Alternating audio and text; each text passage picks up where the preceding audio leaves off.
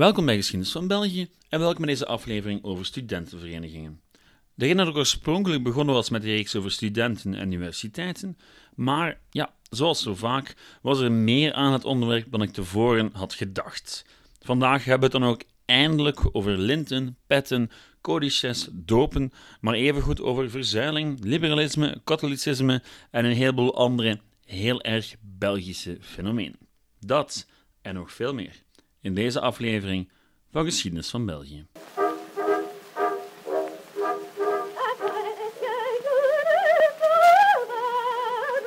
Studentenverenigingen dus. Een fenomeen waar iedereen wel bekend mee is, maar van weinig mensen eigenlijk weten waarom ze überhaupt bestaan of waar ze vandaan komen. En ja, dat is echt wel het soort onderwerpen waar ik heel graag mijn tanden in zet. Op het einde van deze aflevering zal ik een goede poging gewaagd hebben om het hele hoe, wat en waarom van studentenvereniging in België uit de doeken te doen. Waar ik trouwens niet in geslaagd zal zijn. Het is nu eenmaal een heel um, divers landschap. En met de jaren zijn de verenigingen in de verschillende steden zo hard uit elkaar gegroeid dat het moeilijk is om er echt grip op te krijgen op dit onderwerp. Ik heb mijn best gedaan, maar je zal echt niet alles weten over studentenvereniging aan het einde van deze aflevering. Daarvoor is het onderwerp gewoon te complex. Veel te complex. Maar goed, een poging, zoals ik al zei.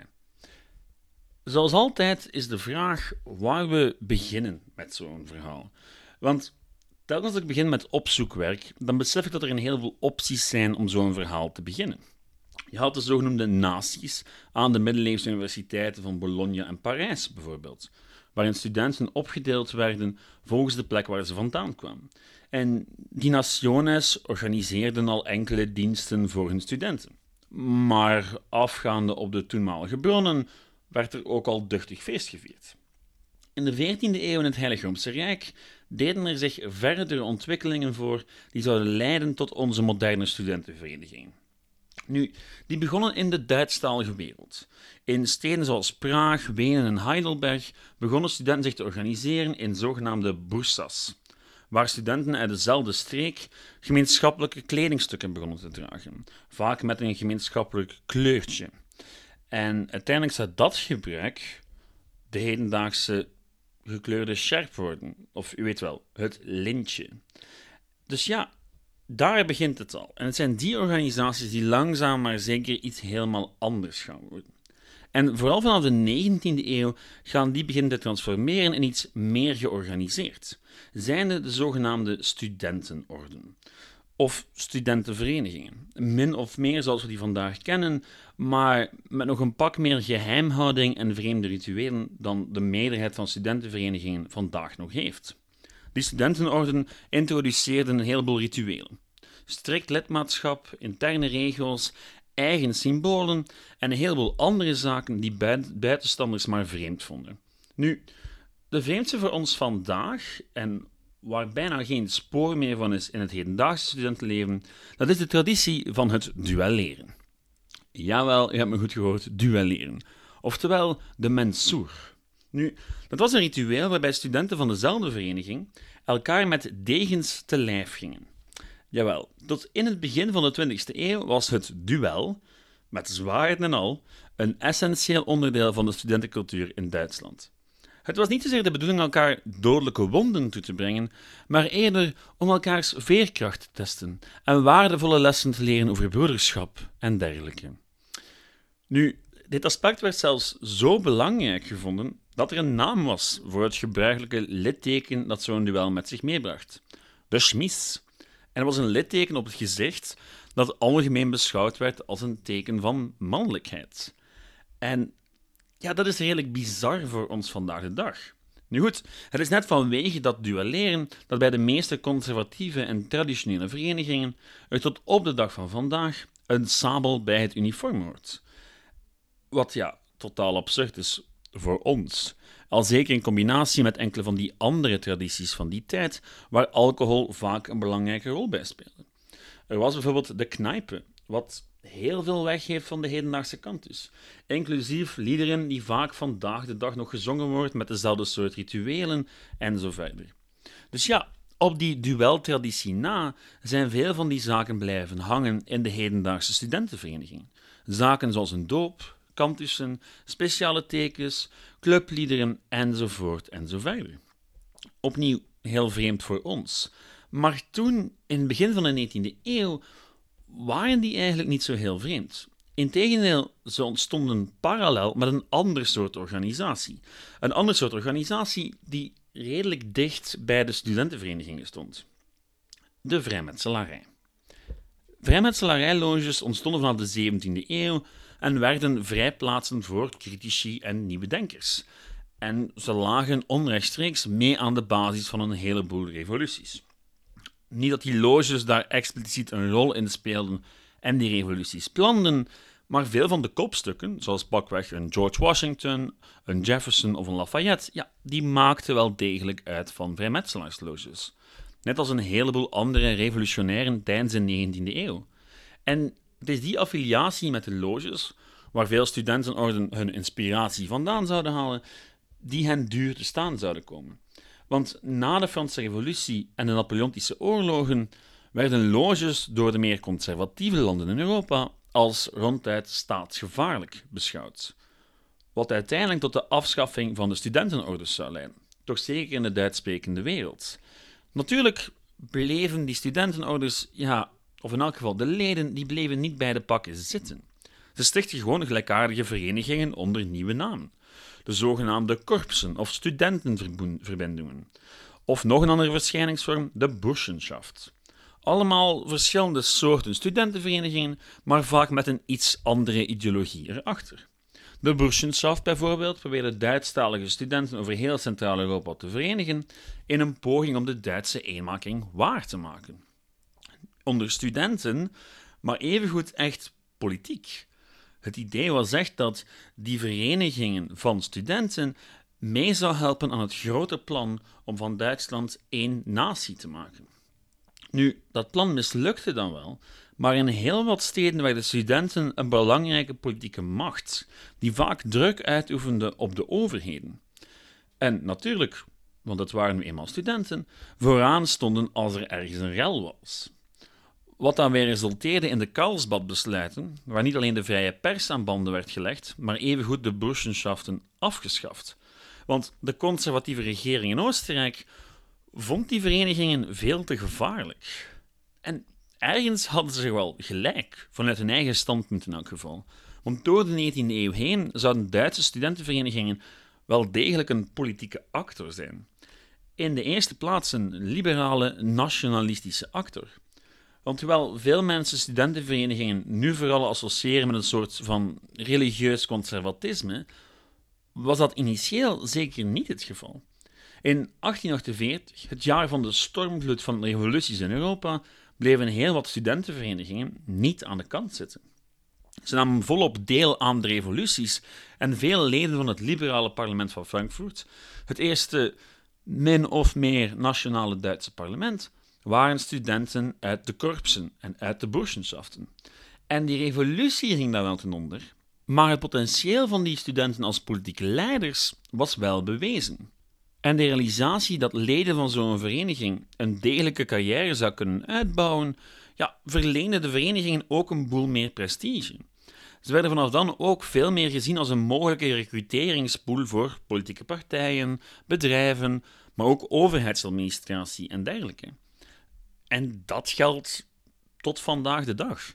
Het aantal Belgische politicus die lid waren van een studentenvereniging is bijna niet te tellen.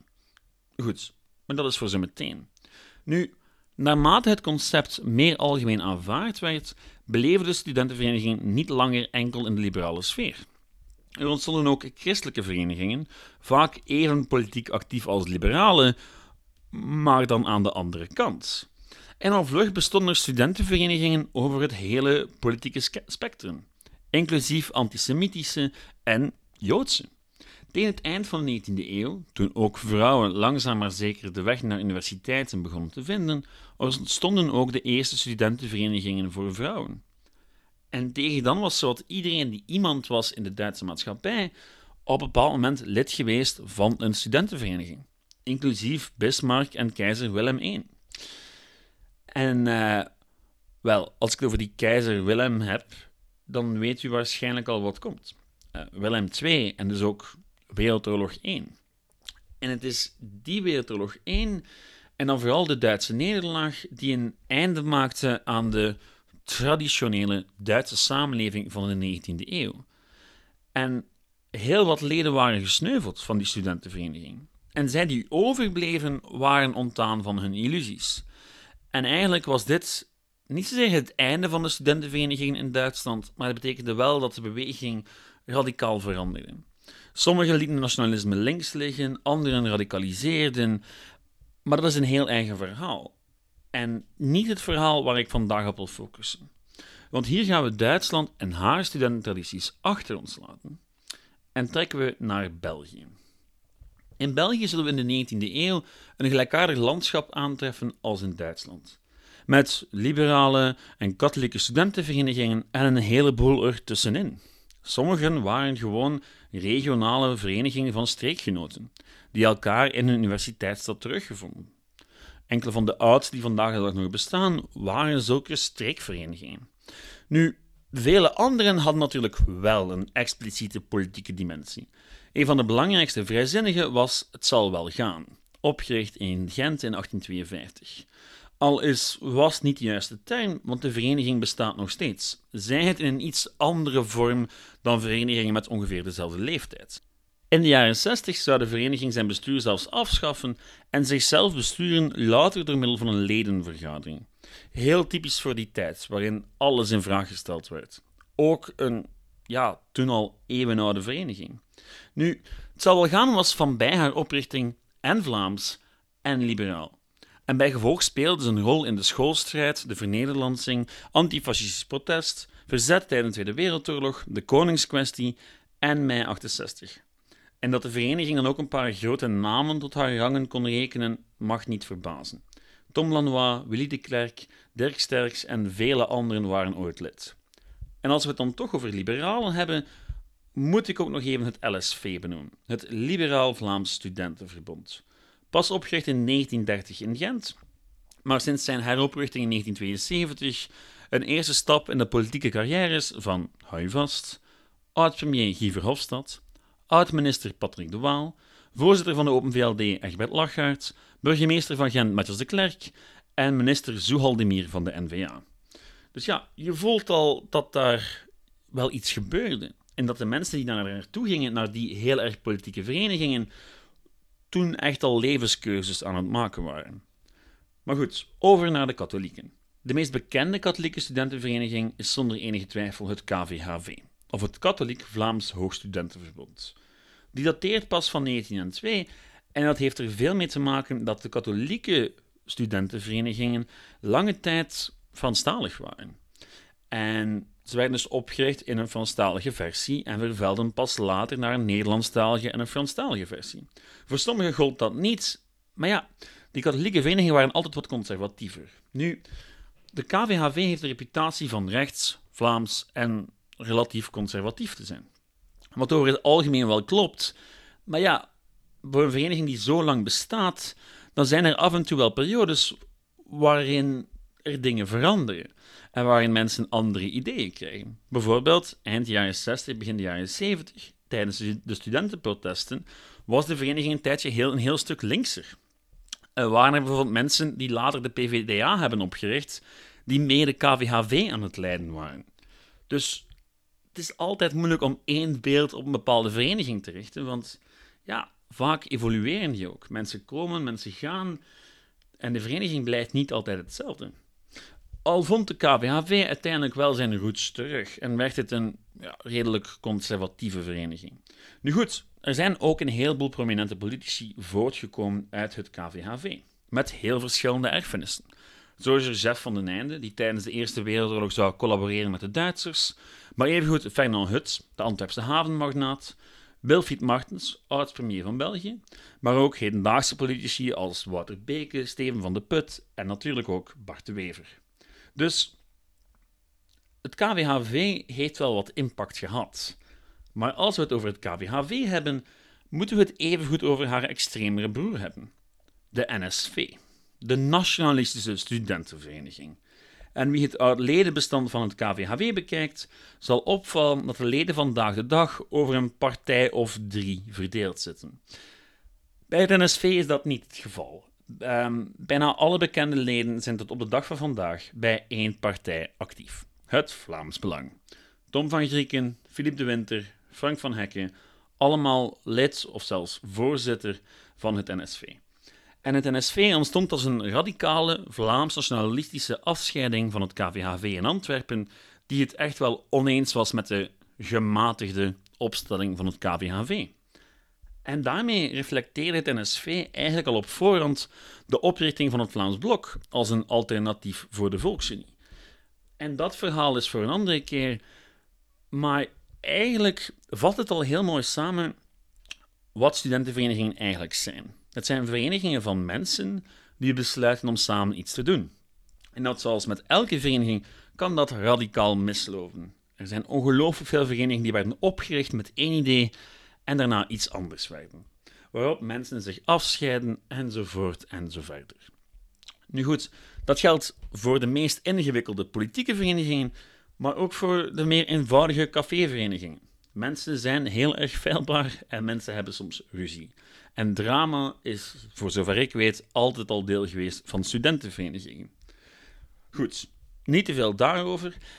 Laten we wat verder gaan dan die oudste en politiek belangrijkste vereniging. Het concept studentenvereniging heeft het redelijk moeilijk gehad de laatste jaren. En toch zijn er nog steeds een heleboel. Van streekclubs tot kringen rond een bepaalde richting tot caféclubs. De studentenvereniging bestaat niet. Zelf was ik in Gent lid van een streekclub, een vereniging rond de lerarenopleiding en de geschiedkundige kring. Alle drie leuk, alle drie compleet anders. En dat was dan nog allemaal in dezelfde stad, Gent. Want de verschillen van stad tot stad zijn eigenlijk nog groter. En laat dat net een van de grote problemen zijn als we het over studentenverenigingen hebben. Dat geen enkele vereniging volledig representatief is voor de anderen. Nu goed, wat doet zo'n vereniging nu eigenlijk? Want ik kan u wel met voorbeeld naar het hoofd slaan, maar daar weet u natuurlijk bitter weinig mee.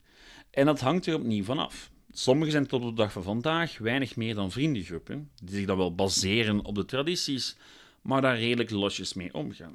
Anderen houden strikt vast aan hun originele rol. En er is gewoon een hele grote diversiteit. Wat de meesten wel gemeen hebben, zijn bepaalde rituelen, zoals de cantus of de doop. Rituelen die min of meer rechtstreeks afkomstig zijn uit de Duitse traditie, maar telkens weer verschillen in hun toepassing. In Gent maakte de belangrijkste koepelorganisatie, SK Gent, in 2005 al een begin met een doopcharter. En wel, nu ongeveer, sinds een jaar of twee, zit elke vereniging in Vlaanderen wel in zo'n doopcharter van de een of andere stad.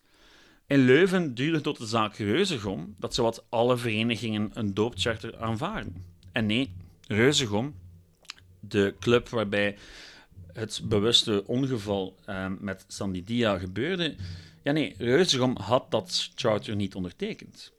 En het feit is dat er voor die doopcharters helemaal geen duidelijk afgeleide regels bestonden. Wat de kantus betreft zijn hier trouwens nog steeds niet, al heeft elke studentenstad wel zijn eigen tradities. Wat wel geldt, is dat de overgrote meerderheid van studentenverenigingen vandaag de dag al lang niet meer zo elitair zijn als hun voorgangers.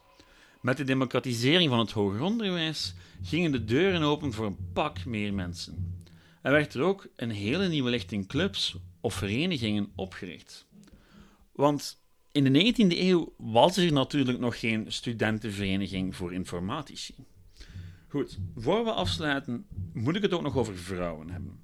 Want net zoals bij elk maatschappelijk fenomeen dat ontstond in de 18e en 19e eeuw, waren studentenverenigingen initieel heel erg mannelijk en heel erg blank. Nogal logisch natuurlijk, gezien het feit dat universiteiten heel lang, te lang, ook uitsluitend blank en mannelijk waren. Maar vanaf het moment dat vrouwelijke studenten zich begonnen te vertonen aan de universiteiten, werden ze ook deel van die studentenverenigingen. Zij het door hun eigen vrouwelijke vereniging te stichten, maar na een tijdje ook door geïntegreerd te raken met mannelijke verenigingen. Wel, initieel mannelijke verenigingen. Nu hebben de meeste clubs ofwel vrouwen ofwel is er een vrouwelijk equivalent, waarmee er op regelmatige basis verbroederd of verzusterd kan worden. En bij streekclubs krijg je dan clubs als moeder en vader waar moeder het mannelijke equivalent is en vader het vrouwelijke. Goed, er is nog veel meer, maar dit was het voor deze week. Um, dit is uiteindelijk een redelijk onsamenhangende aflevering geworden, waarvoor mijn excuses.